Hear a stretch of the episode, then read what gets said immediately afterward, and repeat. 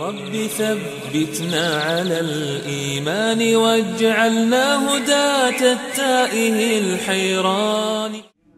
أعوذ بالله من الشيطان الرجيم. بسم الله الرحمن الرحيم. إن الحمد لله تعالى نحمده ونستعينه ونستغفره ونعوذ بالله من شرور أنفسنا ومن سيئات أعمالنا. من يهده الله فلا مضل له ومن يضلل فلا هادي له. وأشهد أن لا إله إلا الله وحده لا شريك له. وأشهد أن محمدا عبده ورسوله أرسله الله تبارك وتعالى بالهدى ودين الحق ليظهره على الدين كله وكفى بالله شهيدا ثم أما بعد Svaka zahvala pripada Allahu subhanahu wa ta'ala, njega slavimo, njega veličamo, od njega pomoć i oprost za naše grijehe tražimo. Neka je salavat i salam na njegovog posljednjeg poslanika, njegovog odabranika i miljenika Muhameda sallallahu alihi wasallam, njegovu časnu porodcu, sve njegove plemenite ashabe, kao i one koji slijede njihov put do sudnjega dana. A zatim, nakon što smo završili uz Allahovu pomoć govor o bitki na Uhudu i onome dijeliću, jednom dijeliću samo od koristi, pouka, lekcija koji se izvlače iz te bitke, a kao što smo rekli, mnogi od učenjaka, između ostalih i imam Ibn Qayyim u svom velikom dijelu Zadul Maad, na koji se, hvala Allah, možete vratiti na našem jeziku, vidjet ćete još mnošto tih dakle, poruka i lekcija iz ove bitke.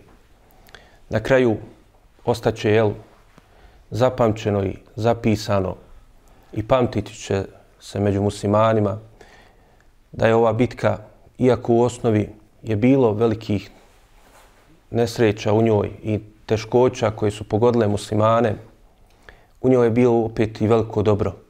Jer Allah uzvišeni je u svemu onome što čovjeka zadesi na ovom svijetu, dao neki vid dobra, samo ga treba prepoznat i treba vidjeti i uvidjeti to dobro za sebe.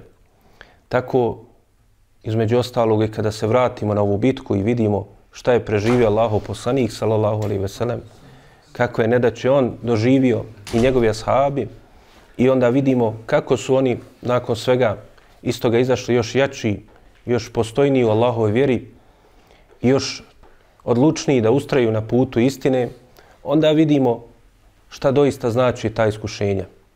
Da Allah uzvišeni, kada je iskušao Allahov poslanika, sallallahu alaihi ve sellem, da bude ranjen, onda je to opet bilo dobro za njega, dobro i za sahabe, zato što su vidjeli da Allahov poslanik, sallallahu alaihi ve sellem, je doista Allahov rob koji je bio i ranjen, koji nema nikakve moći mimo Allaha subhanahu wa ta'ala, ni snage da sebi koristi i šteti, a kako drugima. I također ono što je njih zadesilo kao ashabe, što su doživjeli od iskušenja, onda su iz toga svega vidjeli da se trebaju vratiti Allahu subhanahu wa ta'ala. Da čovjek kada ga pogodi iskušenje, treba da shvati svoju nemoć i potrebu za Allahom subhanahu wa ta'ala. A ne da bude jel od onih koji će imati loše mišljenje Allahu uzvišeno. Nego da shvati koliko je on slab. Pa kada čovjek vidi ljude koji su bolesni, iskušani raznim iskušenjima, treba da zahvali Allahu na blagodatima koje mu je mnogostruke dao i da se vrati Allahu uzvišenom sa dovom, sa obraćanju ka njemu, traženju od njega, jer to je ono što je na kraju bilo kako su ashabi predvođeni Allahovim poslanikom sallallahu alejhi ve sellem u ovoj bitci postupili. Vratili su se Allahu uzvišenom. Nakon oni, oni koji su od njih pogriješili, vrlo brzo se popravili i promijenili svoje obhođenje i pokazali također i ti sami ashabi da su bili ljudi. I to što su oni postigli, dakle postigli su kao ljudi, ne kao neka nadnaravna bića koja su bila bezgriješna. Ne, nego su i oni pravili griješ, grijehe i oni su imali sklonosti i potrebe dunjalučke i oni su imali slabosti koje čovjeka odlikuju, ali su dakle radili da se poprave, da isprave ono što je loše kod njih i onda da se vrate Allahu uzvišenom. Da se istinski vrate ispovjedanju tevhida u onome čemu on sve obuhvata, dakle da se oslanjaju na Allaha, traže od njega, samo u njega uzdaju, ne u svoju snagu, jer kada su videli na bedru šta se desilo, onda pa poslije toga na Uhudu ovo iskušenje zadesilo, onda su vidjeli dakle, da je istinska pobjeda od Allaha uzvišenog, a ne od njihove snage.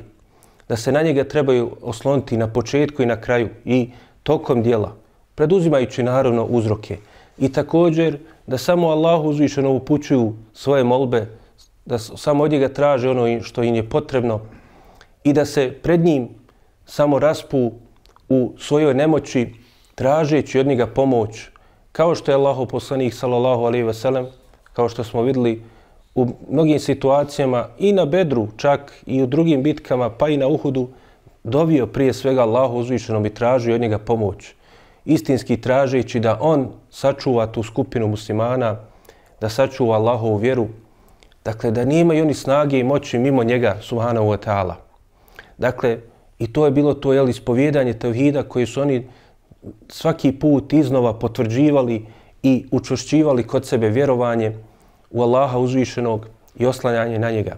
A s druge strane također to što su dakle, doživili pomoglo je da se pokažu munafici ko su oni istinski i također da po, ponovno se pokažu i jevreji kao što ćemo vidjeti u svome izdajništu i kršenju sporazuma, a i također da arapska plemena koja su okruživala Medinu, koja su bila na širku, ponovo da pokažu svoje lice. Dakle, opet Allah uzvišeni kao što kaže, dakle, da se iščiste redovi vjernika, da se ti munafici koji su uvukli među muslimane nakon bedra, da pokažu svoje lice već na prvom iskušenju, a i da se pokaže jel, onda junaštva ashaba, njihova ispravnost, da nakon svega toga što je zadesilo, ustraju na Allahom putu, da nakon toga što se svi okupili oko njih, oni kažu hasbi Allah, dovolja nam je Allah, on je emel vakil, a divan je on zaštitnik. Dakle, onda su pokazali se junaci i ostaće zabilježeni, zapamćeni, dakle, junaci bitke na Uhudu i da nije bilo ovog iskušenja i toga svega što se desilo, ne bi onda bili ti veličanstveni primjeri koji smo vidjeli junaštva, ti veličanstvenih Allahovi robova, koji su istovremeno bili ljudi, najobičniji ljudi iz pustinje arapske, ali koji su bili najbolji ljudi zato što su najbolje i najispravnije vjerovali u Allaha uzvišenog i to na svojim dijelima potvrđivali. Vidjeli smo junaštva Talhe, Sada, Zubeira, Ebu Talhe, Ebu Duđane, Harisa ibn Thimme, također Asima ibn Thabita, također i Ebu Bekra i Omera, i Ebu Ubejde, i šehida Musaba ibn Umeira, i Hamze ibn Abdu Mutaliba, i Abdullaha ibn Harama, i Amra ibn Džemuha, i mnogi drugi koji smo videli, jel, Hanzale kojeg su meleci okupali, onoga ashaba koji je primio islam i odmah otišao u borbu i pao kao šehida da nije jednom namaz obavio. Veličanstveni primjeri kojima se može jel, još dugo, dugo govoriti. Nakon toga, nakon ove bitke, vidjeli smo, bila je bitka Hamrau Lesed, koja je bila završna faza bitke na Uhudu i to je povratilo nešto od onoga što su muslimani jel, doživjeli od poraza u drugoj fazi bitke i u konačnici pokazalo dakle, da muslimani nisu istinski izgubili u ovoj bitci. Da je sa više aspekata u osnovi to bila pobjeda, Najvažnije je to što su jel se muslimani istinski videli da se samo trebaju oslanjati na Allaha i da u svome nastavku onoga što ih čeka, a posebno jel, u godinama koje su slijedile, da se trebaju pripremiti za to sa mnoštvo imana, mnoštvo vjerovanja u Allaha uzvišenog, sa ječinom imana, sa puno pokornosti Allahu uzvišenom i slijedženja puta njegovog poslanika Muhameda sallallahu alihi wasallam. Pa zato, dakle, nakon toga što se desilo krajem, dakle, ovo je, jel, sve se dešava u mjesecu Šavalu, dakle, deseti mjesec po eh, e, hijđarskoj godini, u prostala dva mjeseca spominje se, dakle, da je u tom vremenu posljedna stvar se desila, dakle, trećoj godine po hijđari, o kojoj smo, jel, spominjali od stvari koje se desile u trećoj godini po hijđari, rekli smo da je nakon bitke na Uhudu zabranjen alkohol. Dakle, nakon svega ovoga što su ashabi pokazali u ovom prethodnom periodu, dakle, svo to vrijeme, 13 godina u Mekki, tri godine gotov u Medini, alkohol nije još bio u potpunosti zabranjen. Allah uzvišen je postepeno zabranjivo alkohol. Dakle, prvo što se spominje po pitanju zabrane alkohola jeste ajet koji je došao u suri Bekare. Dakle, mora se reći, jel, početkom medijskog perioda, dakle, došlo je, dakle, da je Allah uzvišen i odgaja sahabe, dakle, odgaja muslimane, da u alkoholu ima puno više zla nego dobra. Dakle, imate vi nekog tu uživanja, bude vam lijepo od toga, ali u osnovi to je za vas puno veće zlo. Pa zato Allah uzvišeni kaže u tom kontekstu u suri Bekare jes aluneke anil hamri wal meisir. Pogledajmo još kako Allah uzvišeni veže, koje dvije stvari veže i kaže, kaže pitaju te o hamru, to jest alkoholu. I ovdje odmah treba napomenuti ono što je kažu učenjaci po pitanju značenja ove riječi hamr u, e, dakle, u Kur'anu, dakle da se to odnosi na alkohol, dakle ono što opija. Ne misli se na pića od, e, dakle, e, od grožja, to jest od vina, da se samo na njih odnosi. Nego kao što i poslanik sallallahu alejhi ve sellem u mnogo hadisa to i pojasnio, dakle misli se na ono što opija. Zato je rekao kullu muskirin haram. Sve ono što opija je haram. Dakle, a on je došao da pojasni Kur'an. A također i u arapskom jeziku, dakle u osnovi, dakle to je ispravno značenje. Samo kasnije neki od učenjaka pojavili se, dakle, koji su govorili, dakle, uzimali ono što je bilo najviše rasprostranjeno u to vrijeme, dakle, a to je vino, pa da se odnosi na to. Dakle, ali, E, kao što je poznato čak, jel, u naše vrijeme imamo droge koje u neka, u, u to vrijeme, jel, nisu postojale, također ulaze u ovo značenje. I onda su one, jel, preče da budu zabranjene i haram nego sami alkohol, zbog štetnosti koje prouzrokuju. Pa tako, dakle, treba znati, dakle, da ima dakle, e, kada se kaže hamr, dakle, ne misli se samo na vino, nego misli se općenito na alkoholna pića. Pića koja opijaju, zbog koji čovjek, jel, e, muti se njegov razum. Također, u tom kontekstu spominje se u nekim hadisima, kako je došlo kod imama Ahmeda i drugi, da kaže, doće vrijeme pred sudnji dan kada će ljudi alkohol nazivati drugim nazivima nego što je njegov naziv. Znači, mijenjaće naziv. Kao što to na kraju možemo vidjeti u mnogim drugim haramima. Pa ljudi kada govore o kamati, prije radi u arapskom svijetu, ne kažu u zemljama u kojima se to jel, e, bez ikakvih ustručavanja uzima i praktikuje, dakle uzimanje kamate i poslovanje s kamatom, kažu to je fajda, kaže to je korist. Ali kao što kažu učenjaci, nije pojenta, niti je dakle relevantni naziv i imena koje ljudi daju. Relevantna je suština neke stvari. Tako da, dakle, kamatu neki mo, mo, mogu nazvati sunetom, mogu je nazvati džihadom, ali ona ostaje kamata. Alkohol mo, može se nazvati kojom god hoće se riječi ali ono ostaje dakle, da ono opija. To je njegova suština. To je njegovo značenje. A naziv je, dakle, tu nije ošte relevantan i nije važan. Ali, dakle, to je jedan od preznaka sudnjeg dana.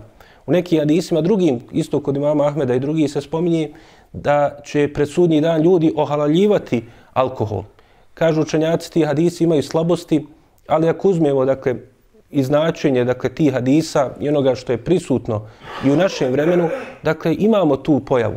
Pa kažu neki učenjaci koji su smatrali da ovaj hadis se može pojačati, dakle, još prije davno, kada to toliko nije bilo rašireno, kada su e, među muslimanima posebno da nije bio raširen alkohol kao što je, nažalost, u našem vremenu, onda su govorili, kaže, ili je značenje to što će toliko se piti taj alkohol među muslimanima, pa da će ljudi, jel, kao da će gotovo reći kao da je ovo halal. Znači, niko više neće nikome negirati tu pojavu.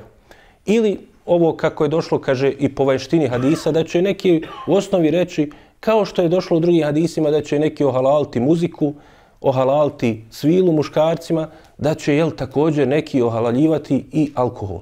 I, nažalost, dakle, jedna i druga pojava, dakle, je prisutna i da je ljudi toliko piju alkohol da više jel, postaje čudnovato jel, da uošte se upozori na tu pojavu. Kada takvima ljudima čovjek došao i rekao bolje da jedete svinjetinu nego da pijete alkohol, napali bi te. Rekli bi ti si došao s nečim novim, to je neko vaše vehabijsko tumačenje, donešeno tamo negdje Saudijski Arabi ili negdje drugo, a u osnovi kada pogledamo štetnost alkohola i štetnost svinjetini, štetnost alkohola je puno veća. Tako da između ta dva grijeha, Dakle, nije dobro da se jede svinjetina, ali manje je zlo da se jede svinjetina nego što je da se pije alkohol. A često ćemo vidjeti one koji pije alkohol kažu ja ne jedem svinjetinu. I time se ponosi i to ističe kao da je to dokaz njegovog jel, islamijeta i toga što se pridržava Allahove vjeri. Dakle, kako šetan se izigrava sa ljudskim razumima.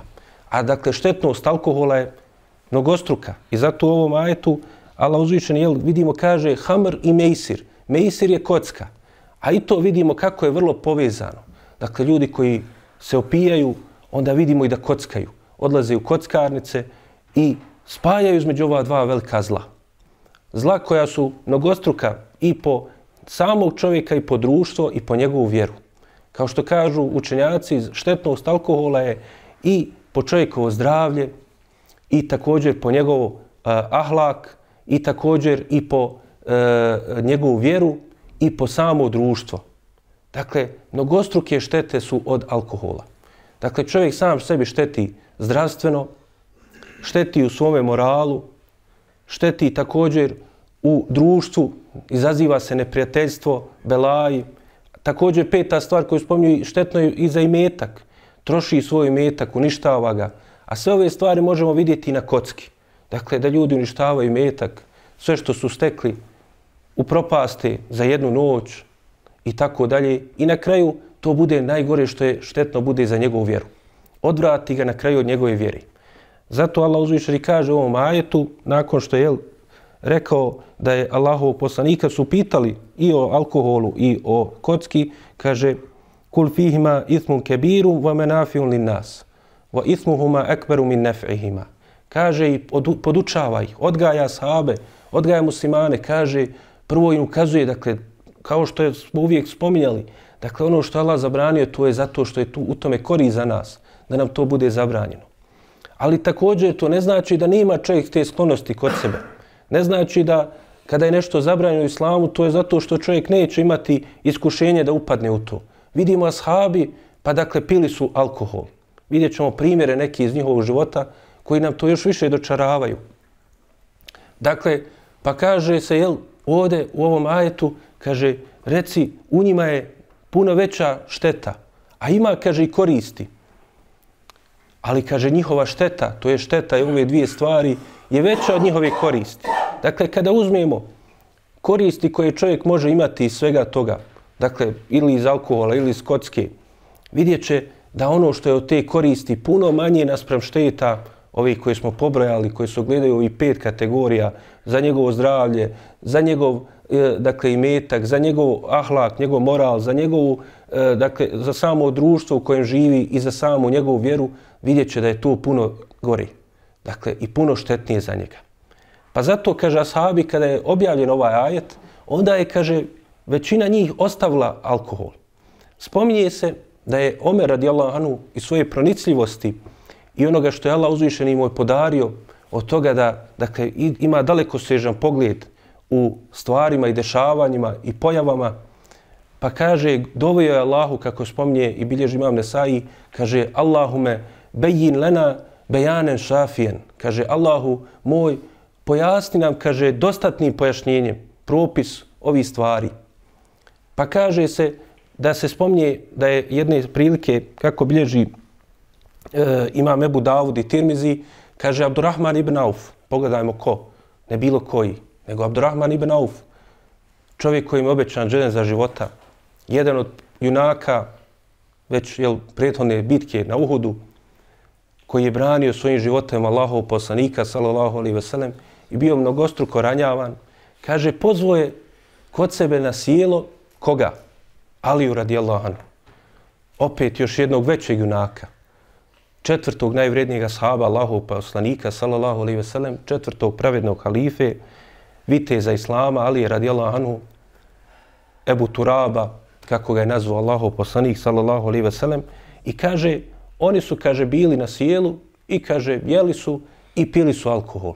Pa kaže, kada su stali da klanjaju, onda je, kaže, Ali radijallahu anhu predvodio u namazu i, kaže, učio je suru Kafirun. Kaže, spominje se da je bio akšam namaz.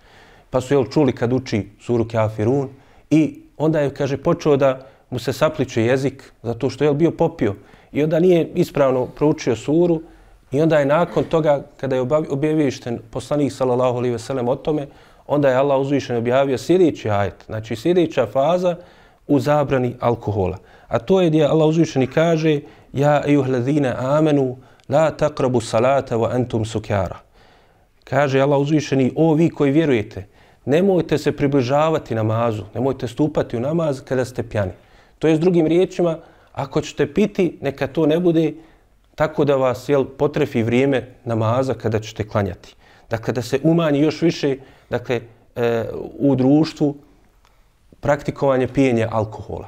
Ali također je li da se kroz to poruči in poruka, da se odgoje na tome da vide dakle, štetnost tog alkohola. Na praktičnom primjeru, namaza, najvažnijeg ibadeta, zapliče vam se jezik, ne znate šta učite. Niste, dakle, na, na onoj ispravnoj e, skrušenosti koja treba biti u namazu, prisutnosti u namazu, zbog tog stanja opijenosti. Pa dakle, i onda je to normalno ashabima izazvalo jel, još veću odvratnost prema alkoholu. I zato dalje kaže se, kaže, hata ta'lemu ma takulun. Dakle, to je bio uvjet. Sve dok ne budete, kaže, znali ono što govorite. To jeste da budete, dakle, trijezni, da ne govorite svašta ili da ne bi slučajno, ne do Allah, rekli nešto što ne bi trebalo da kažete u namazima. Onda se spominje da je jedne prilike Saad ibn Abi Vakas bio pozvan od grupe Ensarija u jedan bustan, dakle jednu baštu gdje su oni ispekli, bili pečenje i sjedili su. I između ostalog su sipali alkohol i pili. Pa kaže se, pozvali su Sada ibn Abi Vakasa. I on je također, jel, još jedan od onih velikih ashaba Allahov poslanika, sallallahu alaihi ve sellem, i od onih kojima je ovećan džene za života, došao je s njima i onda su, kaže, oni tako sjedli, jeli i pili taj alkohol. I onda je neko spomenuo muhađire i ensarije. Pa je, kaže, na to se Sad ibn Abi Vakas nadovezao i rekao, kaže, doista su, kaže, muhađiri vrijedniji od ensarija. A onda jedan ensarija, koji je bio jel, u stanju pijenosti, bio pjan, onda je to ga pogodilo, te riječi. I ufatio je, kaže, Sada ibn Abi Vakasa za njegovu bradu i tako da je došlo do naguravanja između njih u kojem je, dakle, Sad bio povrijeđen. Pa kaže se dalje da je onda otišao Sad poslaniku sallallahu alaihi ve sellem i obavijestio ga o tome.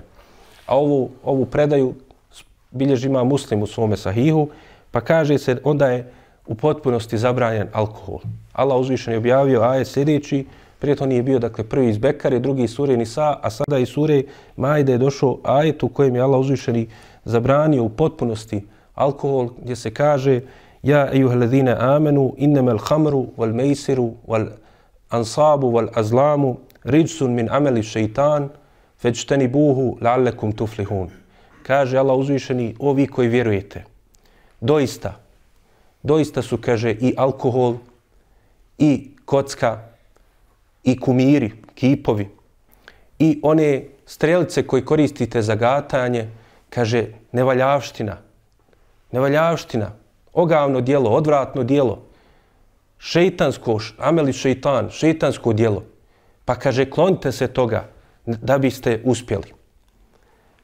A onda Allah uzvišeni u sljedećem ajetu još dodatno pojašnjava da je, dakle, u osnovi ove četiri stvari ne samo da su šeitansko dijelo, nego je to šeitanovo oružje protiv vas, kojim on koristi da bi vam naštetio najviše, dakle, u vašoj vjeri, a i ove ostale stvari koje smo spomenuli. Allah uzvišeni kaže, Innema yuridu šeitanu e yuqija bejnekum el adavate wal bagda fil hamri wal mejsir. Pogledajmo, izdvaja ove dvije stvari. Kaže, doista, kaže, šeitan želi da između vas ubaci e, neprijateljstvo i mržnju preko hamra i mejsira, preko, dakle, alkohola i kocke. Zbog toga, je što čovjek koji pije, kao što vidimo, pogrešno shvati neke riječi, pa čak i među ashabima dođe, jel, dokle da dosvađuje i čak da jedni na drugi dignu ruku. A da ne govorimo jel šta se drugo dešava i što svi od nas to dobro znamo.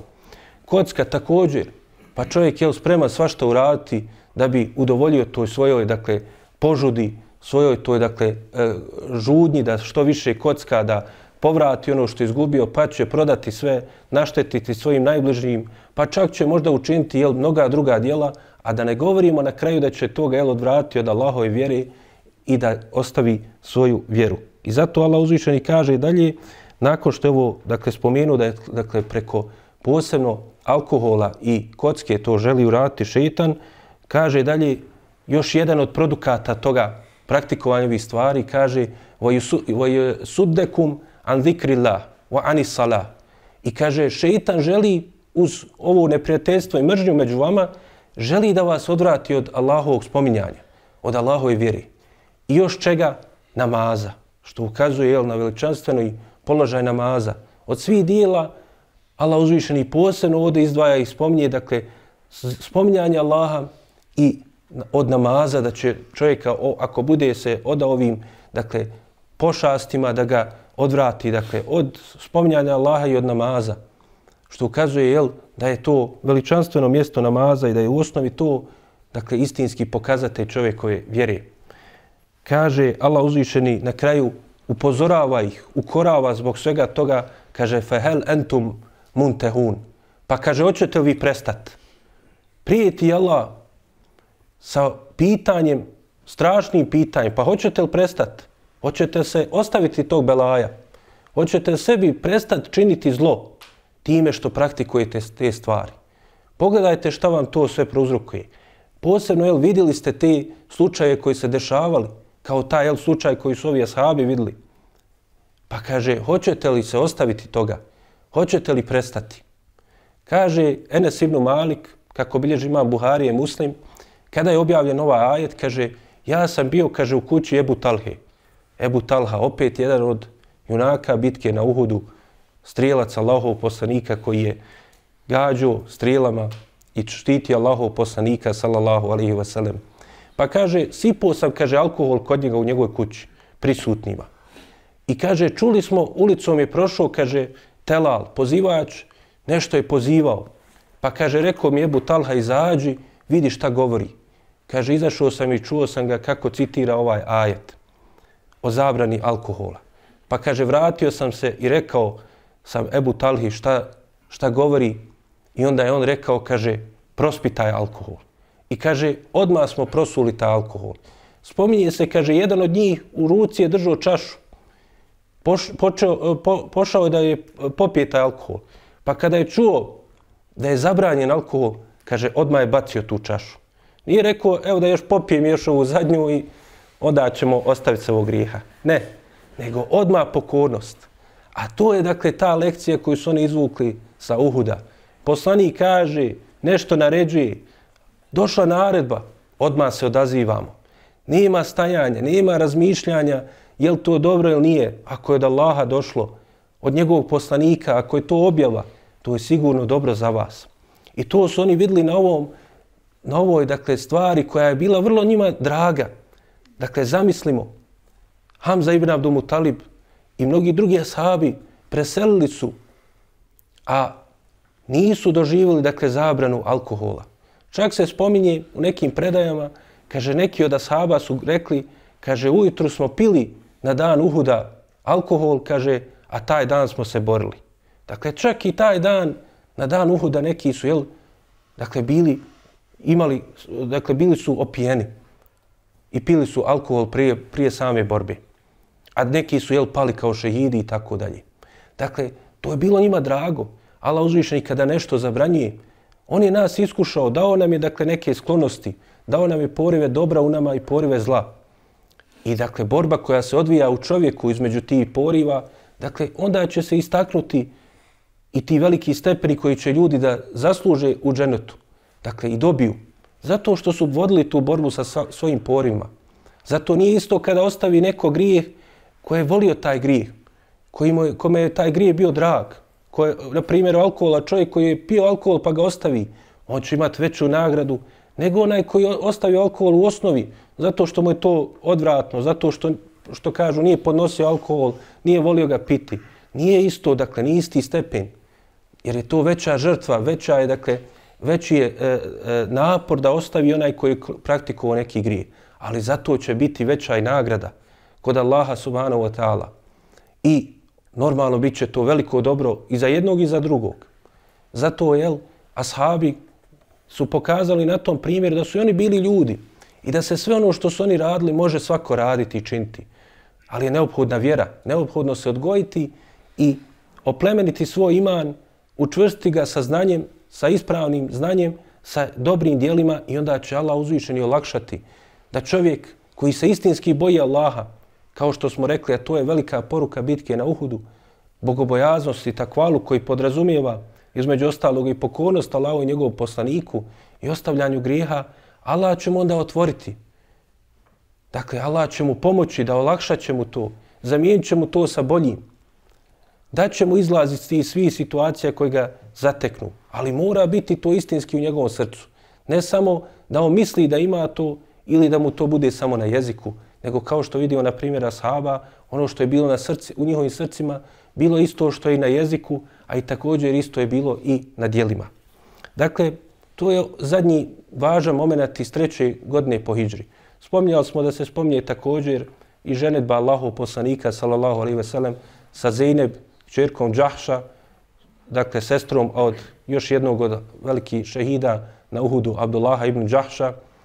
Dakle, e, međutim, učenjaci kažu, pošto se spomni u kontekstu nje i objavlja ajeta o hijabu, koji je objavljen u osnovi u suri eh, Ahzab, pa zato učenjaci razilaze kada je se to desilo. I ta ženitba i objava ovog ajeta, neki kažu trećoj godini nakon bitke na Uhudu, neki kažu četvrte godine, ali Allah najbolje znaje da je to bilo pete godine, dakle u eh, kontekstu bitke eh, Ahzab, bitke na Hendeku, pa ćemo inšala o tome više govoriti tada. Što se tiče dakle, četvrte godine po Hidžri, u, u koju, s kojom večeras uz Allahovu pomoć počinjemo, također možemo na početku nabrojati najvažnije događaje u ovoj bitci. Dakle, e, spominje u, u ovoj e, godini e, spominje se 12 važnih događaja koji se desili četvrte godine po Hidžri. Prvo i osnovno što se spominje jeste da je poslanik sallallahu alejhi ve sellem nakon ovoga što se desilo na Uhudu, onda je bilo neophodno vratiti i povratiti dakle, stabilnost i sigurnost za Medinu i e, položaj koji su već bili muslimani dakle, stekli nakon bitke na Bedru.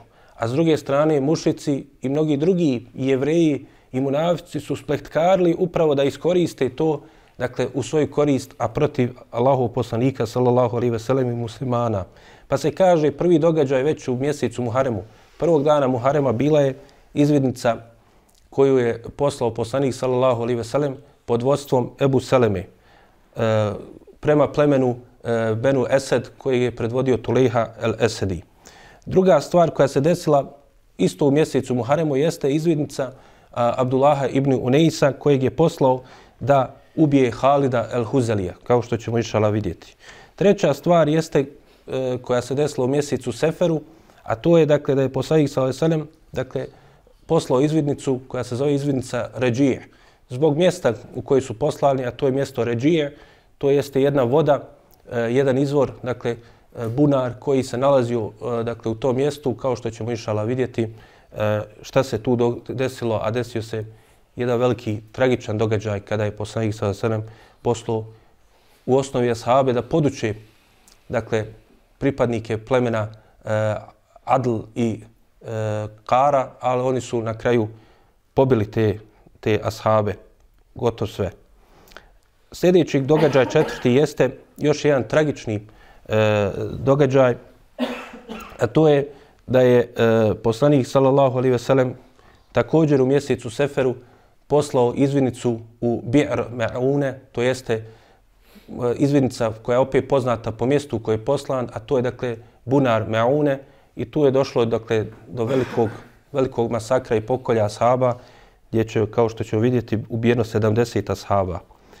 U Rabiul Ewalu, mjesecu Rabiul Ewalu, je e, pleme Benu Nadir, jevrijsko pleme, prekršilo sporazum i skovalo plan da ubije Allahov poslanika, sallallahu alaihi ve sellem, čime je naravno jel, prekršilo dakle, na najgori mogući način e, sporazum i napravilo izdaju, zbog čega je došlo do bitke protiv plemena Benu Nadir.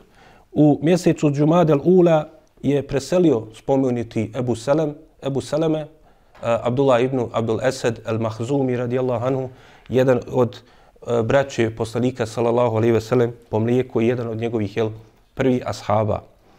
U, također u mjesecu Džumadel Ula desila se osma stvar, a to je dakle da je preselio Abdullah, sin Osmana ibn Affana, koji je osnovi bio unuk Allahov poslanika sallallahu alejhi ve sellem, zato što je Abdullah bio u osnovi dijete od kćerke Allahov poslanika sallallahu, sallallahu alejhi ve sellem, a e, Rukaje koja je dakle e, rodila Osmanu radijallahu anhu, dakle e, Abdullaha.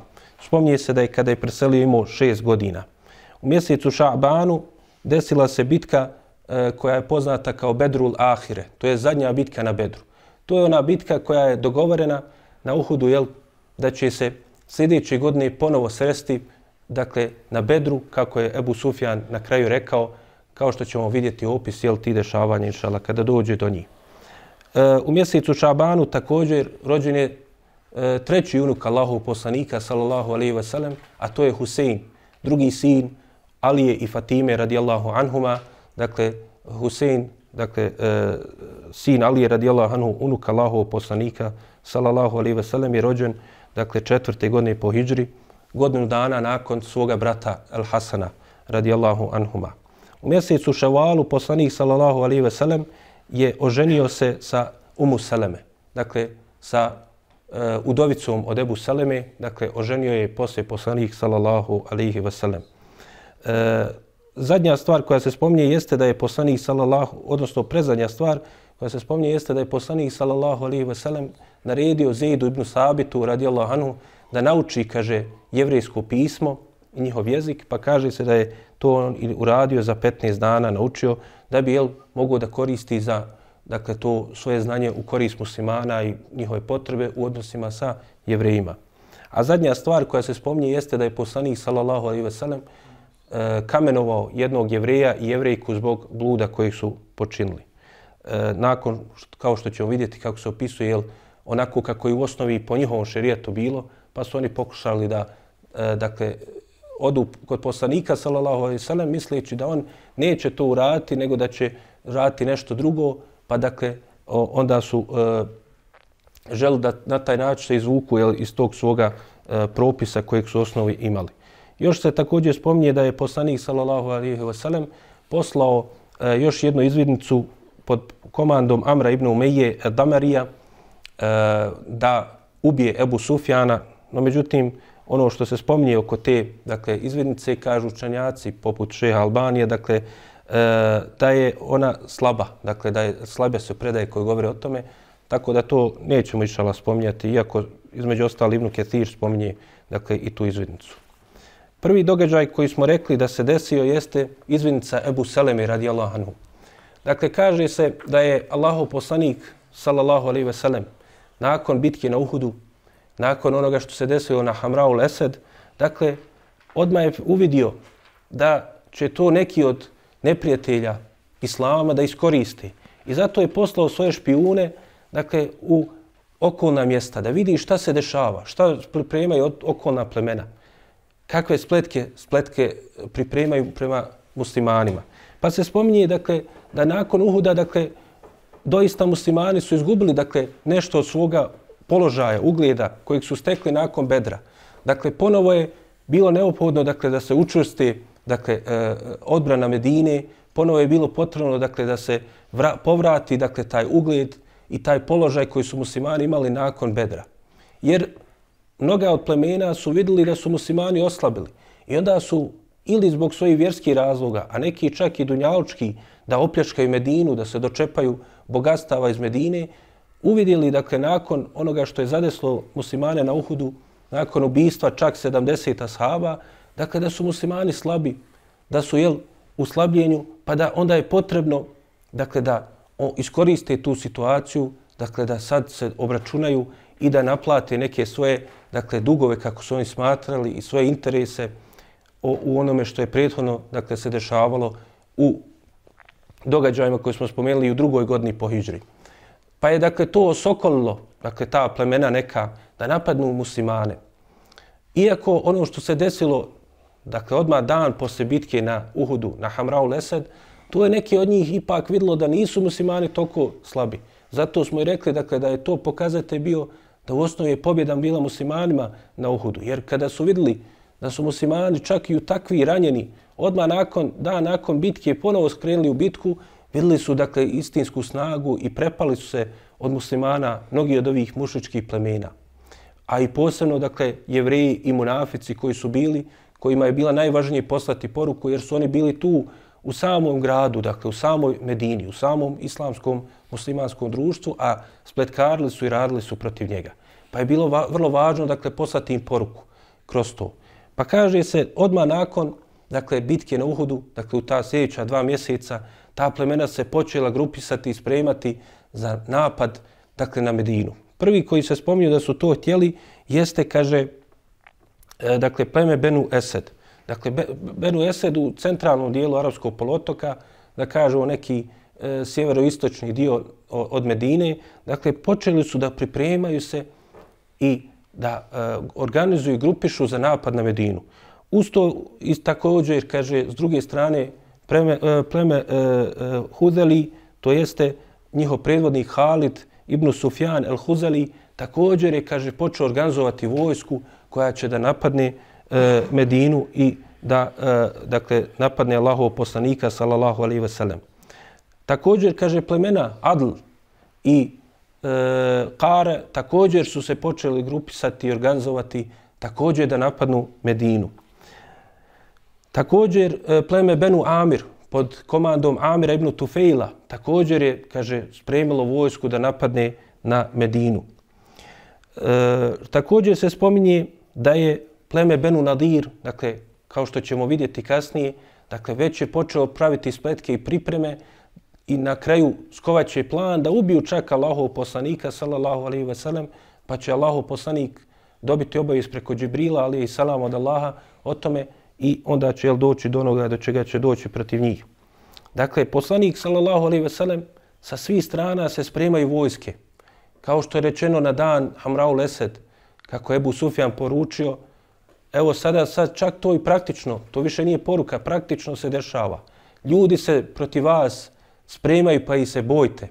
Ali Allahu poslanik, sallallahu alaihi ve sellem, kao što je rekao na Hamrau Lesed, hasbi Allahu wa ni'mal vakil, dovoljan nam je Allah, divan je on zaštitnik. On se oslonio na Allaha uzvišenog i onda preduze uzroke. Poslao je špijune da prate ta dešavanja i onda je mudro počeo da pravi planove kako da se suprostavi svakoj od tih dakle, e, nevolja ili eventualni prijetnji prema muslimanima. Pa se spominje da je Allahu poslanik sallallahu alaihi ve sellem, dakle, Ebu Selemu, Abdullaha, sina Abduleseda, El Mahzumija, njegovog brata po mlijeku, koji je bio ranjen na Uhudu. Dakle, spominje se da mu je bila ruka ranjena, gornji dio ruke do, do, do ramena bio ranjen, pa kaže, uzo je i organizovao jednu grupu ashaba sa njim od Muhađira Ensarija, koji će brojati 150 njih, i dao zastavu Ebu Selemi i rekao, kaže, otiđi ti prema plemenu e, Benu Esed. Dakle, nećemo čekati da oni nas napadnu, nego ćemo mi njih napast prije nego što oni dođu do nas. Pa kaže, rekao je poslanik sallallahu alaihi ve sellem, e, Ebu, eh, Ebu Selemi kaže da je Tulejha i Sulejme el Esedi, dakle dvojica predvodnika ovoga plemena, a Tulejha el Esedi, vidjet ćemo kasnije, imat će ponovo svoju ulogu, pa će na kraju se pred kraj života poslanika sallallahu alejhi ve sellem proglasiti vjerovjesnikom, a na kraju svega toga će biti jedan od onih koji će primiti islam, pokajati se od svega toga i biti veliki vojskovođa muslimanske vojske u vremenima hilafeta Ebu Bekra i Omera. Pa kaže se da je e, Allahu poslanik sallallahu alejhi ve sellem oporučio dakle e, Ebu Selemi kaže napadni ih kaže u njihovim dakle domovima prije nego što oni dakle krenu prema nama jer su oni već počeli organizovati pa je bilo potrebno ih iznenadnim napadom spriječiti dakle da oni dođu sa velikom vojskom svoga plemena prema Medini, jel, što bi onda bilo vrlo teže da se vode borbe na takav način. Dakle, to je bilo prvog Muharrema e, četvrte godine po Hidžri. Dakle, na samom početku, prvi dan, dakle, četvrte godine po Hidžri, poslanik, sallallahu alejhi ve sellem, je usmjerio, dakle, ovu izvednicu prema plemenu Benu Esed. Pa kaže se, Ebu Selem je došao do njihovog, dakle, izvora, koji je bio na jednom brdu koji se e, zove Katan, i na tom brdu Katan je onda zateko neka od njihovih dakle, stada ovaca, pa kaže, uzeli su onaj, dakle, kao ratni plen ta stada ovaca i porobili su neki od tih ovčara koji su čuvali čobana, koji su, koji su čuvali ta stada, a onda su se, kaže, uputili prema, dakle, e, plemenu Benu Esed, gdje su, oni su u osnovi bili organizovali. Ali dok su oni već bili na putu od, dakle, tog brda do samog njihovog centra, dakle, pleme Benu Esed je čulo, dakle, da je krenula vojska, da je došla, da je pokupila njihova stada i onda su se prepali i onda se, kaže, razbježali. Tako da u osnovi nisu dočekali i sačekali, dakle, vojsku koji je predvodio, dakle, u osnovi bilo je samo 150, dakle, pod vojstvom Ebu Saleme. Ebu Saleme je mudro, dakle, taktički rasporedio vojsku, pa kaže, rasporedio na tri jedinice. Jedna je krenula sa njim, a dvije, kaže, sa strana poslao, tako da je, dakle, povećao broj. Izgledalo je kao da ih puno više ima. Da je tri, jel, neke velike jedinice napadaju, a u osnovi, jel, bilo je u osnovi ukupno 150. Tako da je, nakon što su došli do tih njihovih, dakle, mjesta gdje se ta vojska pripremila, gdje se bila ulogorla, onda su zatekli da su ovi ostavili čak i ratne opreme i nešto od dakle, e, hrane i nešto od dakle, jahalica, tako da je Ebu Seleme se vratio sa velikim ratnim plijenom i sa velikom pobjedom iz ove borbe, iako u osnovi nije bilo borbe. A što je u osnovi i ono što je bio cilj Allahov poslanika, sallallahu alaihi veselem, da u osnovi jel, sa ovim napadom iznenadim spriječi u osnovi da dođe do e, ikakve borbe i do dakle, štete za bilo kakve za muslimane. Ovo spominje dakle, e, i Ibnu Sad u svojim tabekat, također i Ibnu Kethir i Ibnu Kajmu Zadu Mead i također ima Beheki u Delajlu Nobuve. Iako Še Albani kaže dakle, da e, predaje oko ovih dakle, dešavanja ove izvidnice dakle, imaju svoji slabosti, ali istoričari navode dakle, i e, spominju dakle, ovu izvidnicu da se desila. Nakon što se vratio Ebu Seleme, dakle, nakon što se vratio Medinu kao pobjednik iz ove izvidnice sa velikim ratnim plijenom, spominje se da je onda on ponovo se dakle, aktivirala mu ta rana, dakle, ponovo se e, e razbolio, rana mu se, dakle, e, da kažemo, zatrovala i počela dakle, da obuzima njegovo tijelo i na kraju je, kako se spominje, u mjesecu Džumadal e, Ula, dakle, preselio iste te godine, dakle, petom mjesecu, Ovo je bilo prvom, dakle nakon nekoliko mjeseci, u petom mjesecu se spominje da je Ebu Seleme preselio e, od te rane. Pa kaže se u hadisima između ostalo koji opisuju to, kod imama muslima se spominje da je poslanik sallallahu alaihi ve sellem kako prenosi njegova supruga tadašnja, dakle kasnije udovica, poslije i supruga Allahov poslanika, majka vjernika, e, Umu Seleme, kaže došao je Allahov poslanik sallallahu alaihi ve sellem, a kaže pogled Ebu Seleme se već bio ukočio. Pa kaže, uzo je poslanik sallallahu alaihi ve sellem svojom plemenitom rukom i zatvorio oči Ebu Selemi i rekao, doista kaže, duša kada izlaži, izlazi, oči je prati. Što je dokaz jel, da je duša istinski postoji, da ima svoju stvarnost. Mi ne znamo njenu kakvoću, ali ima čim je jel, pogled stva, dakle, prati, ukazuje dakle, da čovjek na savrti vidi svoju dušu dakle, i ona ima dakle, svoj oblik i formu istinsku i prati je zbog toga pogled. Nakon toga je poslanik sallallahu alejhi ve sellem rekao e, pošto su neki od dakle ukućana počeli da plaču i e, da pogođeni time što je preselio Ebu Seleme, dakle, da, da kažemo, jel, da podižu svoj glas u plaču, onda je poslanik sallallahu alejhi ve sellem rekao, kaže, dovite, dovite za sebe za dobro. Jer, kaže, doista meleci u ovakvoj situaciji kaže, aminaju na vaše dove. I onda je, kaže, poslanik sallallahu alaihi ve sellem proučio dovu za Ebu Selemu, pa je rekao, Allahumma gfirli li Ebi Seleme, varfa darajatahu fil mehdijin, vahlufu fi aqibihi e, fil gabirin, vagfir lana wa lehu, ja rabbel alemin, vafsah lehu fil, fi qabrihi, wa nawwirhu lehu uh, e, fih. Allahu poslanik sallallahu alejhi ve sellem je proučio prelijepu dovu koju je rekao Allahu moj oprosti Ebu Selemi i kaže povećaj mu stepene među upućenima i daj najbolju zamjenu e, i e, u, onima njegovim e, koji su ostali iza njega i kaže oprosti i njemu i nama o gospodaru svjetova i proširi njegov, kaže, kabur i osvijetli njegov kabur. Ovaj hadis, dakle, ima muslim bilježi u knjizi o dženazi. Nakon toga je e, također u hadisu kod imama muslime se spominje da je e, Umu Seleme, dakle, pogođena time što se desilo, plakala. Pa kaže, čak je došla i neka žena da sa njom plaće. Pa je poslanik, sallallahu alihi veselem, dakle, e, vidio to i, i dakle, bio obaviješten i sreo dakle, tu ženu koja je krenula, pa je rekao, kaže, da li želite da upustite ponovo šetana u kuću nakon što je, kaže, bio, kaže, Allah iz nje, iz te vaše kuće ga istjeru. To jeste, nemojte ono što je bilo jel, od tih e, loših stvari u džahilijetu da radite, da naričete, da plačete, dakle, e, time što ćete kuditi, nego kao što je rekao poslanik sallallahu alejhi ve sellem u drugom hadisu, dakle oči suze, srce, dakle tuguje.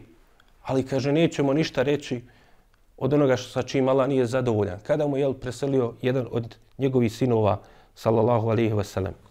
U trećem hadisu kod imama Muslima se spominje još jedna prelijepa stvar, a to je vezano za Umu Saleme, koja je dakle bila najviše pogođena ovim iskušenjem i musibetom, gubitkom svoga supruga, jednog od najodabranijih ashaba Allahov poslanika sallallahu alaihi ve sellem. Jedan od naj, najboljih ljudi, najljepšeg ahlaka se spominje da je bio. Pa kaže se da je poslanik sallallahu alaihi ve sellem rekao kako prenosi Umu Seleme, rekao je kaže neće musliman biti pogođen musibetom. A onda kaže kaže inna lillahi wa inna ilaihi rađiun. Doista smo mi Allahu i njemu se vraćamo.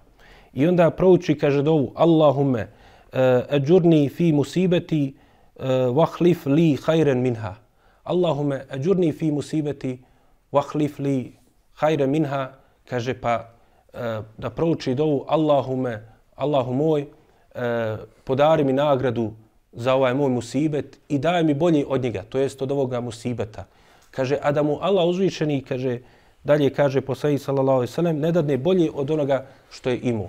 Pa kaže Ebu Sele, e, Umu Saleme, kaže, učila sam ovu dovu, ali sam razmišljala kako će mi Allah dati nekog boljeg od Ebu Seleme. Zar može biti neko bolji od Ebu Seleme da mi dadne od njega? Ko će mi zamijeniti takvog čovjeka, takvog supruga? Kaže, rekla je Umu Seleme, kaže, bio je kaže, među najboljima. Kaže, koji je musliman bolji od Ebu Seleme? I kaže, mi smo prva kuća, kaže, koja je učinila hijđru u Medinu i uradili jel, mnogo drugih dobrih dijela, pa ko će, jel, ko, koga mogu imati da ga zamijeni? Pa kaže se dalje u ovom hadisu, nakon toga je poslanik sallallahu alaihi ve sellem oženio. Tako da, jel, doista je dobila najboljeg čovjeka što je mogla da dobije za supruga. A to je Allahov poslanik sallallahu alaihi ve sellem. I to je doista i na tom praktičnom primjeru se pokazalo kako Allah uzvišeni udovoljava dovama kada iskreno njegovi ga robovi zamoli. Dakle, pa je Umu Seleme dobila puno boljeg supruga nego što imala u Ebu Selemi. A normalno njemu ostaje njegova vrijednost, a Umu Seleme je postala nakon toga majka vjernika. Još jedan događaj, još jedna izvidnica koju je postao poslanik sallallahu alaihi ve sellem jeste bila izvidnica Abdullaha ibn Uneisa. Abdullah ibn Uneis, kao što je bio i Muhammed ibn Mesleme bio je čovjek koji je čvrst, postojan, ozbiljan čovjek koji se ničega nije plašio. Pa poslanik sallallahu alejhi ve sellem je bio dakle pronicljiv i vodio računa o tim stvarima, o sposobnostima svojih ashaba. Pa je svakoga odabrao za ono što je najbolje za njega. Onaj koji je bio za znanje, odabrao ga je za znanje. Zaid ibn Thabit vidimo, kao što ćemo inšala vidjeti, dakle, on je bio posebno odlikovan da je bude e, pisar objave i zapisivo ajete, pa između ostalog je naučio i pismo, hebrejsko, jevrejsko pismo i također, dakle, e, vodio je vrigu o tim stvarima. Neko je bio za davu, neko je bio za trgovinu, a Abdullah ibn Neis, poput Muhameda ibn Mesleme, bio je čovjek za specijalne zadatke Allahovog poslanika, sallallahu alihi wasallam. Pa kaže se da je petog Muharema, dakle nekoliko dana nakon ove izvidnice, od Ebu Selemi, Allahov poslanik sallallahu alaihi ve sellem kada je obaviješten da je Halid ibn Sufjan el-Huzali, da se počeo dakle, da skuplja vojsku i grupiše da napadne Medinu sa planom da ubije Allahov poslanika sallallahu alaihi ve sellem. Kaže, ima Ahmed bilježi i, i Ibn Hiban u svome sahihu, da je onda poslanik, eh, poslanik sallallahu alaihi ve sellem, onda odredio Abdullah ibn Neisa da ode i da predupredi taj plan. Pa kaže, pozvao ga je sebi i rekao mu, kaže, doista sam obaviješten da Halid, sin Sufjana, sin Nubejha el Huzali, kaže, skuplja ljude i da u mjestu eh, uh, Urene, koje se nalazi u blizini Arefata, dakle u blizini Mekke, u dolini, kaže, Urene, kaže, formira vojsku i želi da nas napadne i da uradi to što je planirao. Pa kaže, između ostalog, da je rekao i želi da mene ubije. Pa kaže, otiđi ti do njega i kaže, ubi ga o, e, o Abdullah. Kaže, Abdullah ibn Unais je rekao poslaniku, sallallahu alaihi ve sellem, ja ne znam kako izgleda taj Halid el-Huzeli. Kako ću ga prepoznat? Kaže, vidjet ćeš, kaže, kada ga vidiš, kaže, obuzet će te, kaže, zebnja. Zebnja će te obuzeti kada ga vidiš. U drugoj predaji došlo, kaže, kada ga vidiš, kaže, sjećeš se šeitana. Znači, takav, kad, takav je čovjek da kad njega ugledaš i vidiš, dakle, kao da si vidio šeitana. I kaže se, onda kaže, krenuo je Abdullah ibn Neis, kaže, uzeo je svoju sablju i uputio se da obavi taj zadatak za Allahov poslanika, sallallahu alaihi veselem, sve dok, kaže, nije došao do mjesta Urene i kaže, doista, kaže, kada je ugledao Halida ibn, uh, Halida ibn Sufjana al-Huzelija, a on je bio sa nekim ženama, kaže, obuzela ga je zemlja. Znači, čovjek koji se nije, kaže, bio poznat, da je go, čak se u jednoj od tih predaja spominje, rekao je, kaže, ja se ničeg ne bojim, što će me obuzeti zemlja od njega? Od običnog čovjeka, jednog čovjeka. Ne bojim se vojske, a kamal da se njega bojim. Ali, kaže, poslanik, sallallahu alaihi sallam, je rekao, obuzet ću te zemlja kad vidiš njega. I kaže, doista, obuzela me zemlja. I prisjetio sam se šetana kada sam vidio njega. Pa kaže, prišao sam e, tom čovjeku, Halidu, i kaže se u ovoj predaji koju bilježi između ostalog i dodatno imam Ebu Davud, u njegovoj predaji došlo, kaže, e, rekao je Abdullah ibn Uneis, kaže, bilo je vrijeme i kindije namaza. Dakle, nastupilo je kindijsko na, e, vrijeme e, kindije namaza i kaže, pošto sam krenuo da taj obavim posao, da, da, dakle, da se obračuna sa njim, kaže, pobojio sam da neću imat vremena u toj borbi posle da klanjam namaz. Pa kaže, kada sam ga ugledao, onda sam počeo da klanjam namaz u svojim mislima. Dakle, klanio je namaz u hodu. Pa kaže, svojim očima je, kaže, i, i svojim, dakle, pokretima glave sam činio, kaže, ruku i seždu. I obavio i kindiju namaz. Što ukazuje, jel, koliko su ovi ashabi vodili računa o namazu. Bojio se u toj borbi. Dakle, može pas ko šehid, neće ni morat klanjati. Ali, prvo da obavi namaz. Ne može da stigne da ga ovako obavi. Obavit će ga u svojim mislima. Nikad se ne ostavlja namaz. Nema ti uvjeta u kojima će ostaviti namaz.